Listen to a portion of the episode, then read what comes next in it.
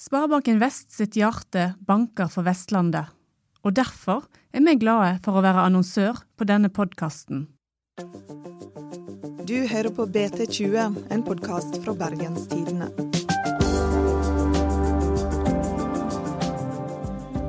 På 90-tallet kom heroinavhengigheten til Bergen for fullt. Tallet på overdosedødsfall økte, hiv og aids spredde seg, og kriminaliteten i rusmiljøet var høy. Noe måtte gjøres. Så kom ideen om LAR-behandling. Metadon fra staten skulle redde de tyngste narkomane og bedre situasjonen. 20 år seinere er spørsmålet hvordan gikk det egentlig?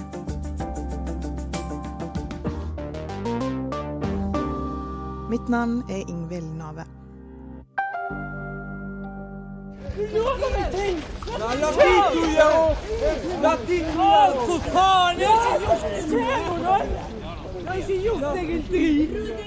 Vi skal tilbake til midten av 90-tallet i Bergen. Heroin hadde for alvor gjort sitt inntog, og konsekvensene var store. Da hadde vi en situasjon i Norge der de rusavhengige hadde det veldig dårlig. Eh, det var mange overdoser. Mange døde overdoser. Eh, Behandlingstilbudet som fantes, eh, det fungerte ikke. Eh, veldig få ble rusfrie, og mange havna på kjøret igjen veldig fort. I tillegg så var det sånn at um, hiv-aids-epidemien spredde seg i rusmiljøet. De som um, brukte heroin, delte gjerne sprøyter, og på den måten så ble smitten spredt. Så det var egentlig en ganske dramatisk uh, situasjon for de som var avhengige av rus, egentlig. Det var veldig viktig å få gjøre noe. Er dette klagemuren? Bare du ikke søler noe. Her hadde vi jo Nygårdsparken, eh, som var en sånn åpen russcene og hadde vært det en eh, god stund. Men eh, også her så døde folk av overdoser, og eh, det var mye kriminalitet knytta til eh, de rusavhengige. Altså heroin var jo var den helt store utfordringa, fordi at det stoffet er så utrolig farlig. Det de sier, de som eh, bruker det eller har brukt det, det er at det, det er egentlig bare én ting som betyr noe i livet. Det er den neste dosen med heroin. Og du gjør alt for å få den dosen. Altså du stjeler, du prostituerer deg, du skader folk. Du gjør alt for å skaffe penger og for å skaffe den neste dosen. På samme tid som det var stor bekymring for miljøet i Nygårdsparken, kom ideen om at en kunne behandle tunge heroinavhengige med et annet opiat, nemlig metadon. Kunne det virkelig være sånn at ei lita flaske med metadon for dag kunne redde folk fra et av de mest avhengighetsskapende stoffene på jorda? Kristin Jansen er journalist i Bergens Tidende.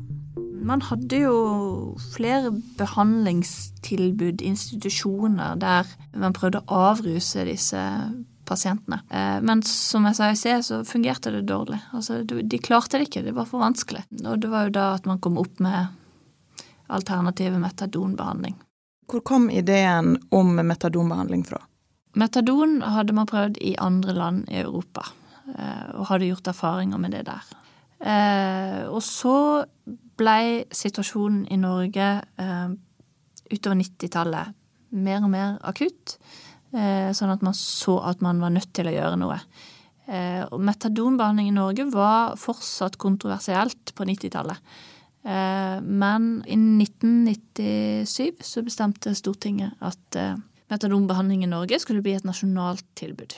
Motstanderne mente jo at dette var eh, rus, det var dop, det var statsfinansiert eh, dop eh, som ikke ville hjelpe de rusavhengige. Mens tilhengerne mente at dette var noe som kunne fungere. Hva er egentlig LAR? LAR står for legemiddelassistert rehabilitering. I dag så er det flere medikamenter som brukes i LAR-behandling. I starten så var det bare metadon som ble brukt. Men felles for disse medikamentene er at de tar bort suget etter heroin. Hva skjedde så? Altså etter en har vedtatt i 97 at nå skal dette rulles ut i hele landet? Da gjorde vi noen anslag for hvor mange man mente dette kunne være aktuelt for. Og her i Bergen så mente et utvalg i starten at det ville være mellom 25 og 50 pasienter som skulle tas inn i metadonprogrammet.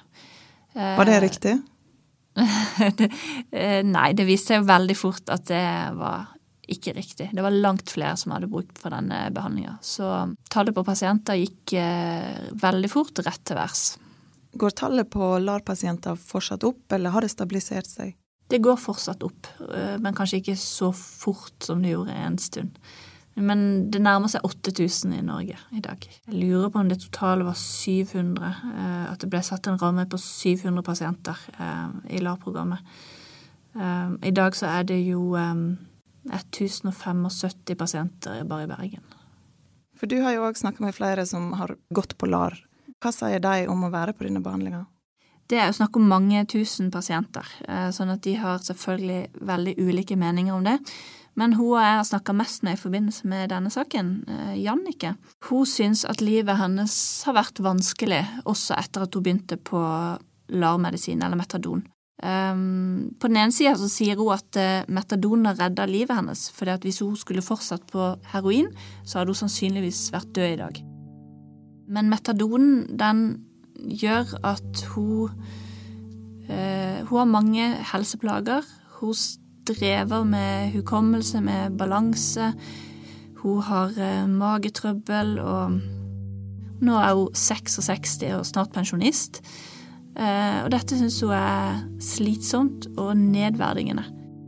Det var ikke det livet hun ønska seg. At I begynnelsen så var det så fint. Og så begynte de å ta inn en haug med folk i slengen. Og da kom alle tablettene. Og så begynte salget. Nedover trappen satt alle og solgte. Mm. Og da var det ødelagt. Hvem er Jannike?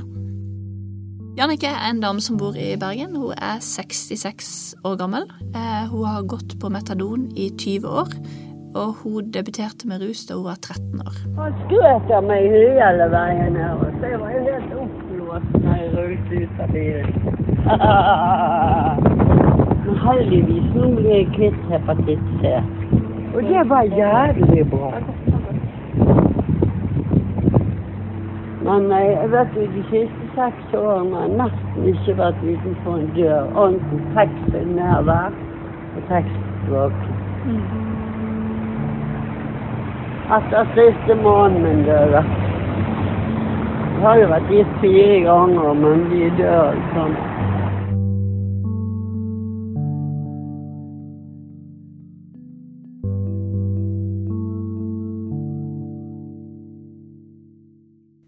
Straks tilbake, først noen ord fra vår annonsør.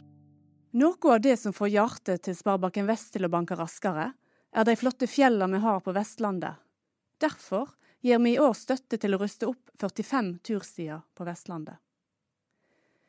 Fjellene er viktige for oss vestlendinger, og mange tar i bruk naturen hver eneste dag.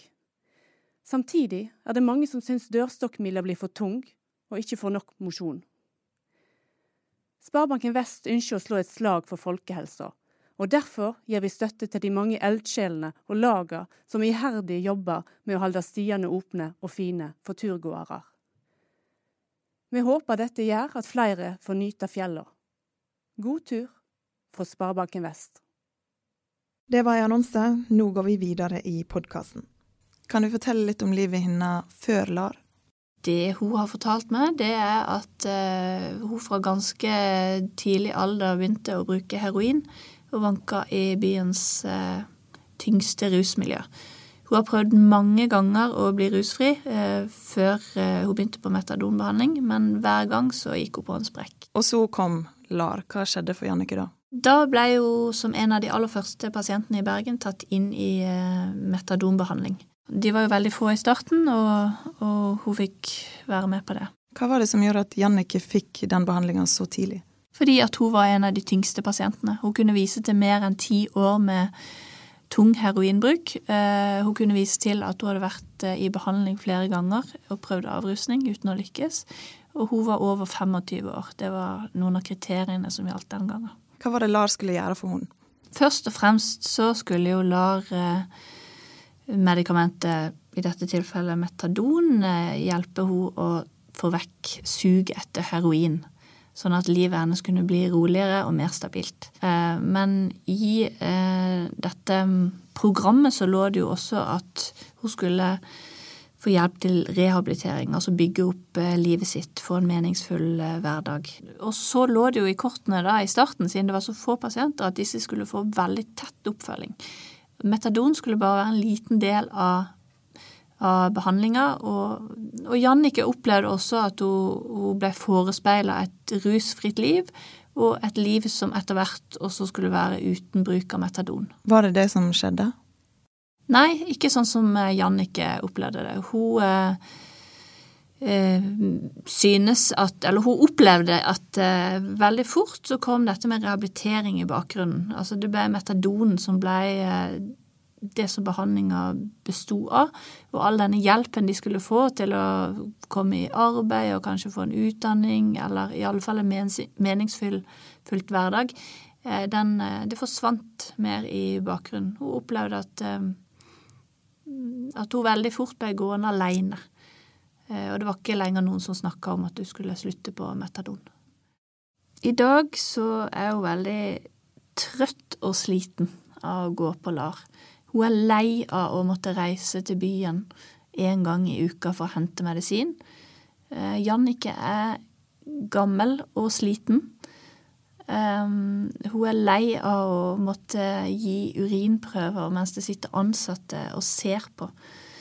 Um, og um, hun, hun, ønsker å eie sitt eget liv. Sånn opplever hun det. Men hun legger jo heller ikke skjul på at uh, metadonen har redda livet hennes. Har hun sagt noe om hva hun tenker om framtida? Ja, Uh, Jannik drømmer om å få seg en båt så hun kan komme ut på havet og få frisk luft, for hun er så plaga av kols. Det drømmer hun om. Uh, hun drømmer også om å klare å slutte på metadon, men det vet jeg ikke om hun klarer. Det tror jeg ikke hun vet helt sjøl heller, enda. Hun er jo 66 år. Er det mange som går på LAR som er begynt å nærme seg pensjonistalder? Jeg vet ikke nøyaktig hvor mange det er, men det vi vet er at gjennomsnittsalderen eh, i LAR den øker år for år, fordi at eh, pasientene lever lenger enn de ellers eh, ville gjort. Eh, så nå tror jeg snittalderen for LAR-pasienter i Norge er 44 år. Og det er jo en ganske stor bevissthet i fagmiljøet etter hvert rundt at Eh, her får vi store utfordringer etter hvert. For dette er en gruppe pasienter som får helt andre og mye mer omfattende plager enn det andre eldre gjør. Men er det mange som klarer å slutte? Veldig få.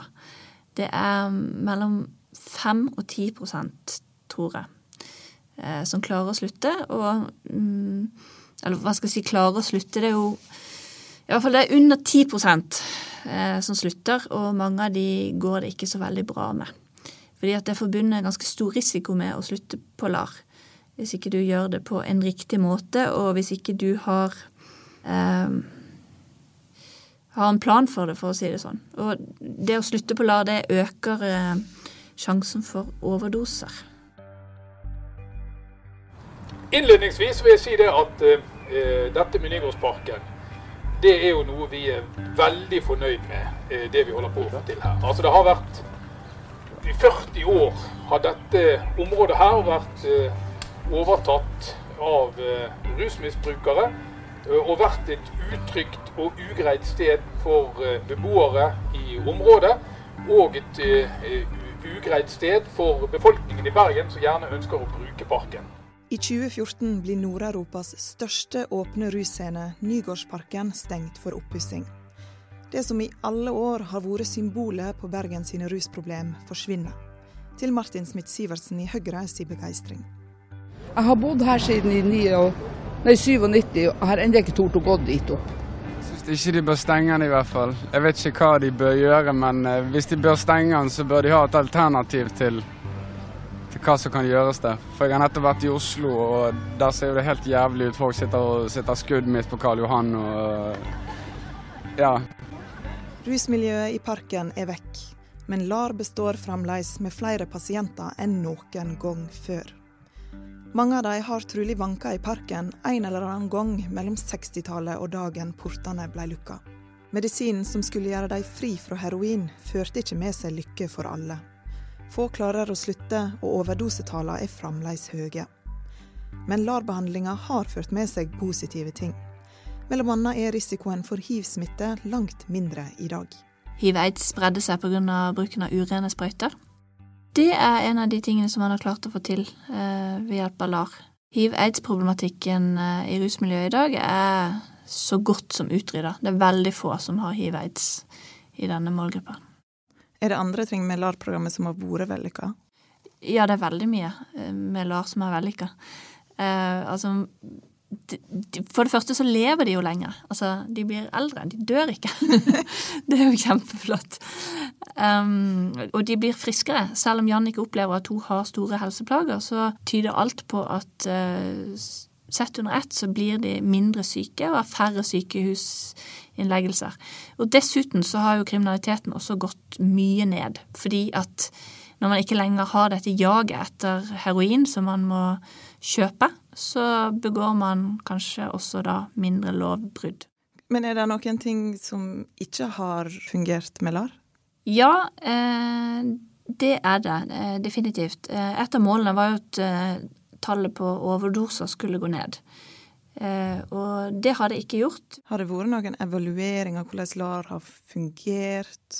Jeg tror vel de fleste som jobber med LAR i dag, vil si at det er et ganske vellykka prosjekt, ja. Eh, og at det har økt livskvaliteten for en ganske stor gruppe av rusavhengige. Men jeg tror ikke det er så mange som vil være uenig i at det også er betydelige problemer knytta til LAR-behandling i Norge i dag. Eller iallfall utfordringer. Og at um, den rehabiliteringa som som man ble lovet fra starten av, i mange tilfeller ikke fungerer som man skal. Er det et tegn til at en vil gjøre noe for å utbedre de tingene som ikke fungerer? Jeg tror det er noe som jobbes med kontinuerlig. Um, på mange måter, men det er klart at når man går fra en bitte liten pasientgruppe til mange tusen pasienter uh, med ulik bakgrunn og sånn, så det, blir det mer vanskelig. Og det som mange av de som jobber med dette også sier, det er jo at dette er en ganske krevende gruppe å hjelpe. Eh, veldig mange rusavhengige de har jo med seg en bagasje som er tung, med store psykiske problemer. De har kanskje traumer fra oppveksten. Altså, det er en årsak til de har blitt rusavhengige i begynnelsen. Eh, og hvis ikke de får hjelp til å um, takle de utfordringene, så er det veldig vanskelig å få livet inn på rett kjøl. Hele historien om Jannicke og LAR-behandlinga i Norge kan du lese i BT-magasinet.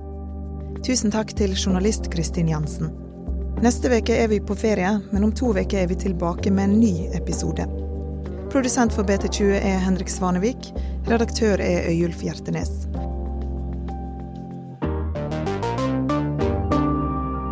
Mitt navn det er Ingvild Nave.